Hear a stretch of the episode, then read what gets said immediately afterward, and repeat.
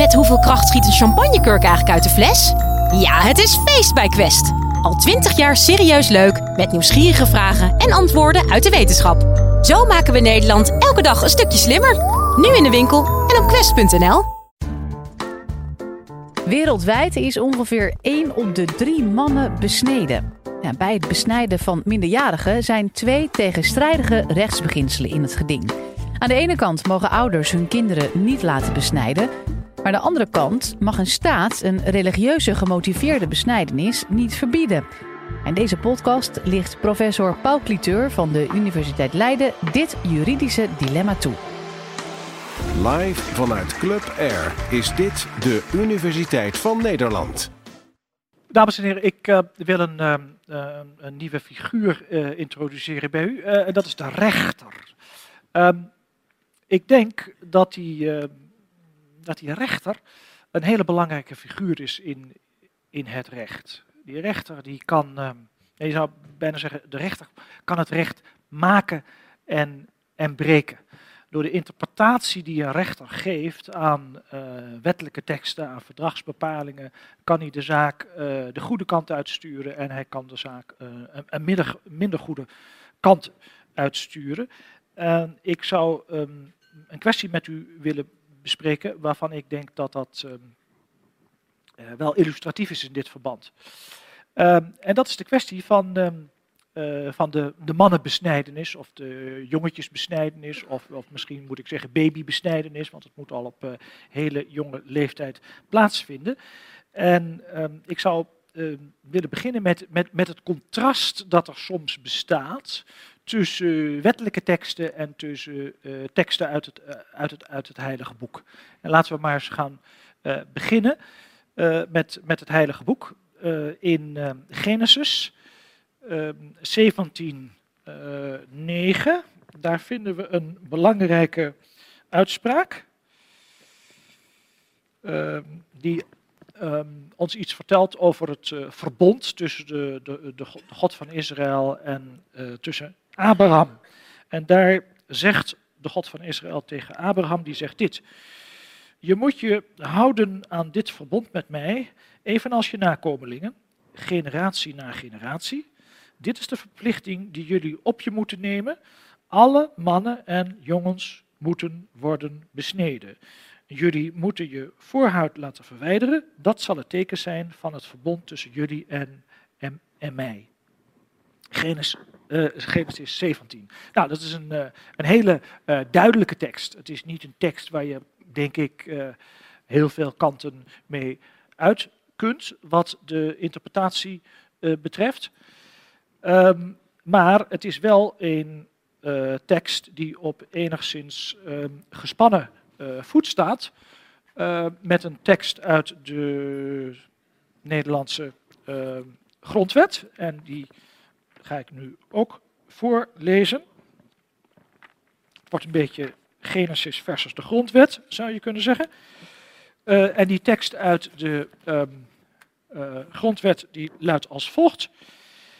Uh, ieder heeft behoudens bij of krachtens uh, de wet te stellen beperkingen recht op onaantastbaarheid van zijn lichaam.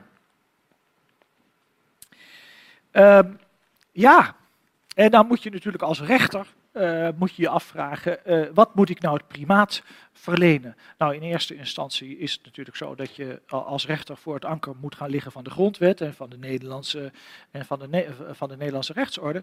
Maar ja, wat nou wanneer je geconfronteerd wordt met, en dat is dan het geval, met een, met een praktijk van religieuze groeperingen die zeggen dat is in, in, in, in strijd met onze uh, godsdienstige overtuiging en met ons heilig boek, wanneer we um, die grondwet in dit geval zouden volgen, want dat zou het geval zijn. Er even vanuit gaan dat mannenbesnijdenis een, een inbreuk is op de integriteit van het lichaam. Dat, dat, dat veronderstel ik ten even. Overigens is die, is die, is die besnijdenispraktijk niet alleen is die, um, in strijd met, uh, met de Nederlandse grondwet, maar, maar ja, je zou eigenlijk ook kunnen zeggen met bepalingen uit verdragen of op het terrein van de um, uh, vrijheid van godsdienst. Want wat, wat, wat gebeurt er eigenlijk? Het, het is zo dat de ouders zich beroepend op de uh, vrijheid van godsdienst, het recht claimen op het, om, het, om het kind eigenlijk al te, te merken als behorend tot een religieuze uh, gemeenschap. En kan je dat wel doen op grond van de vrijheid van godsdienst, die met zich meebrengt dat het volledig vrij aan iemand moet zijn om zelf voor een godsdienst te kiezen, eventueel ook van godsdienst te veranderen. Uh, maar dat wordt wel veel moeilijker gemaakt als je een, een, een, merkteken hebt aangebracht op het kind, dat zoals dat heet irreversibel is. Het is niet meer terug te draaien. Dus daar is een duidelijke uh, spanningsrelatie. En op de een of andere manier moeten, uh, moeten rechters die moeten daarmee in, het, in, in, in het reinen zien te komen. En dat heeft er, um, uh, er kwam eigenlijk een beetje een hoogtepunt, uh, deze discussie, in, uh, in 2012 in Duitsland. Want naar aanleiding van het Keulse Landgericht uit 2012 kwam er toen een, discussie uh, um, uh, kwam er, op gang over een, een, vierjarige jongen die besneden was. En dat was niet helemaal goed gegaan, er waren bloedingen. Waren er, en, en, en de vraag deed zich nu voor, zou die arts kunnen worden vervolgd? In eerste instantie was het standpunt nee, dat kan niet, want de ouders hebben toestemming gegeven voor de, voor, voor de besnijdenis. Bovendien is er een religieuze grondslag.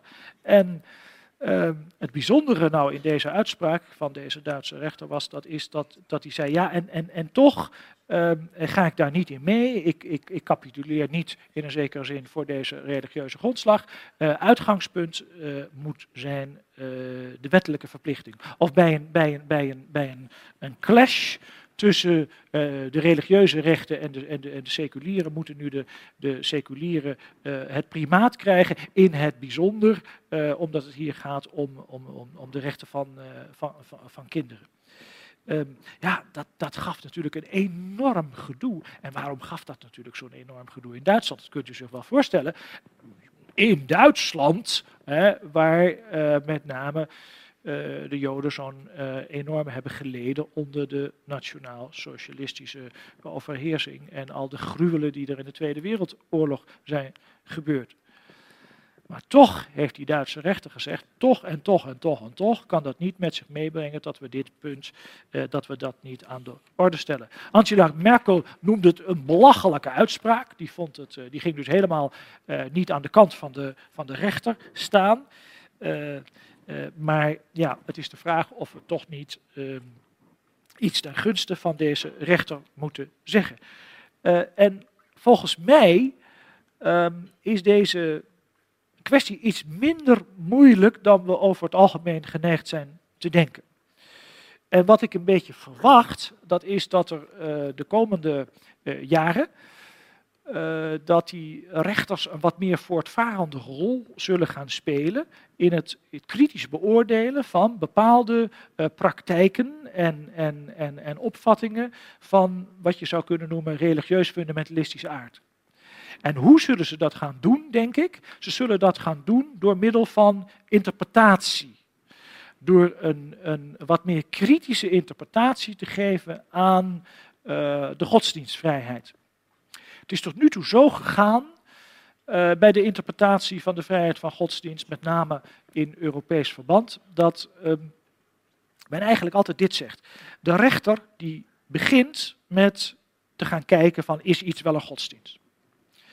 Doorgaans zegt de rechter heel snel, ja, dat is, een gods, dat is een godsdienstig gebruik, dus het krijgt een speciale bescherming. En vervolgens gaat men door naar eventuele beperkingen die er aan te brengen zouden moeten zijn op deze uh, godsdienstige praktijk. Naar mijn smaak gaat de rechter te vaak ervan uit dat iets als een godsdienstige praktijk moet worden erkend. En het zou best eens kunnen zijn, althans het lijkt mij een goed, goed idee, dat die rechter wat kritischer gaat kijken naar, is het wel een godsdienst? Is het wel, is het wel door de godsdienst voorgeschreven? Laten we eens een paar voorbeelden nemen. De Azteekse zonnegod die eiste het dat er mensenoffers werden gebracht. Als we nu zouden zeggen, dat was een religieus gebruik van de Azteken, dan zeggen ook vele mensen, nou nee, dat was een, was een crimineel gebruik, dat was afschuwelijk en, en, en waarom zou je dat als religieus erkennen? Abraham die kreeg uh, het bevel om zijn zoon Isaac te, te offeren op bevel van God.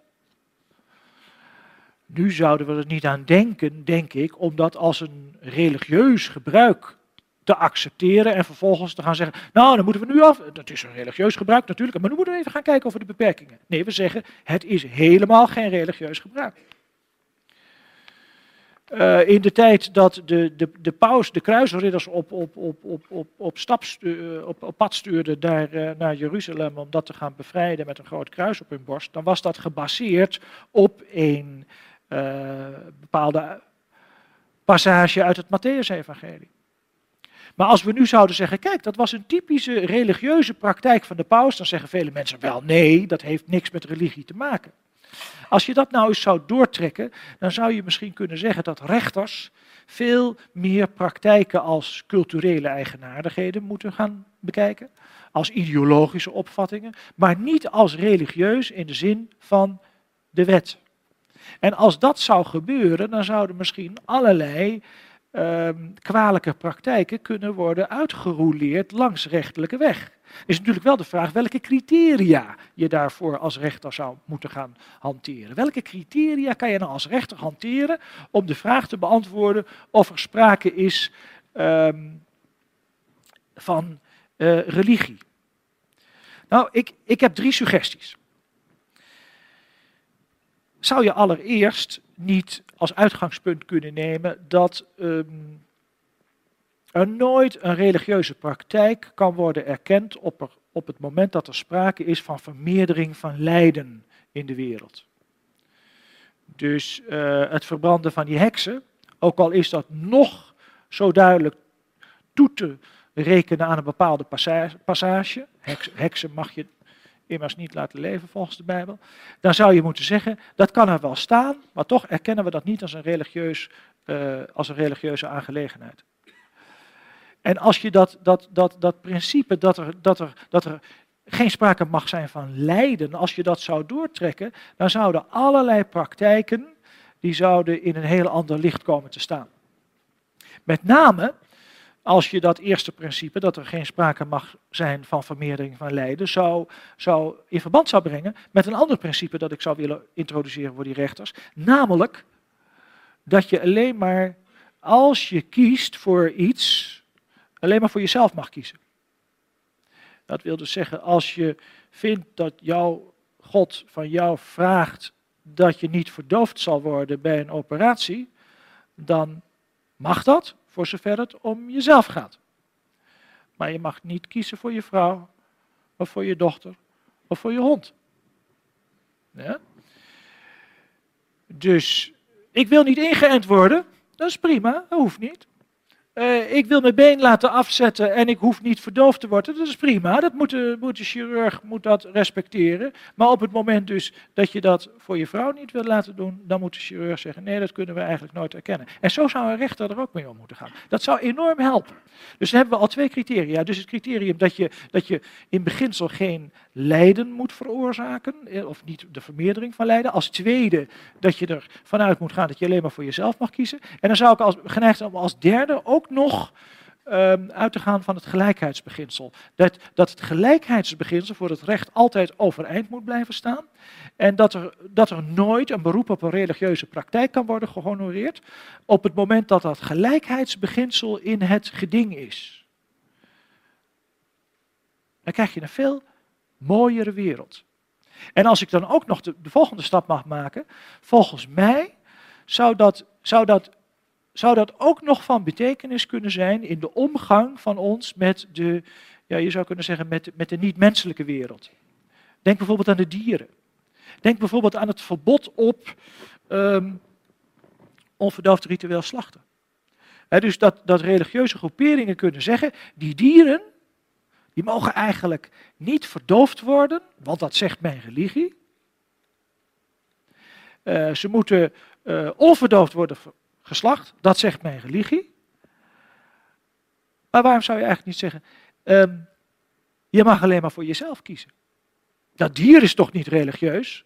Die is toch niet katholiek? Ja, volgens Gerard Reven zijn alle, dieren, zijn alle dieren katholiek. Maar dat, dat is dan ook een, wat excentrieke opvatting. Dat dier is niet religieus. En je kunt dus eigenlijk alleen maar voor je eigen niet-verdoving zou je mogen kiezen. Nou, als dat zou gebeuren, dan denk ik dat we een heel stuk verder zouden komen. En dan heb je, dan, dan als, als, als de staat nou eens zou kiezen voor de religieus neutrale staat, als de staat nou zou kiezen voor, voor, voor uh, zoveel mogelijk een soort van moreel en politiek esperanto te spreken naar de burgers, de, het, het vocabulaire niet te vermengen met religieus uh, vocabulaire, als de staat dat nou eens zou doen en als de rechterlijke macht nou om zou gaan uh, met, met, met een beroep op godsdienstvrijheid uh, door de drie principes te hanteren die ik net heb geschetst, dan zou de wereld wat mij betreft een stuk mooier uitzien.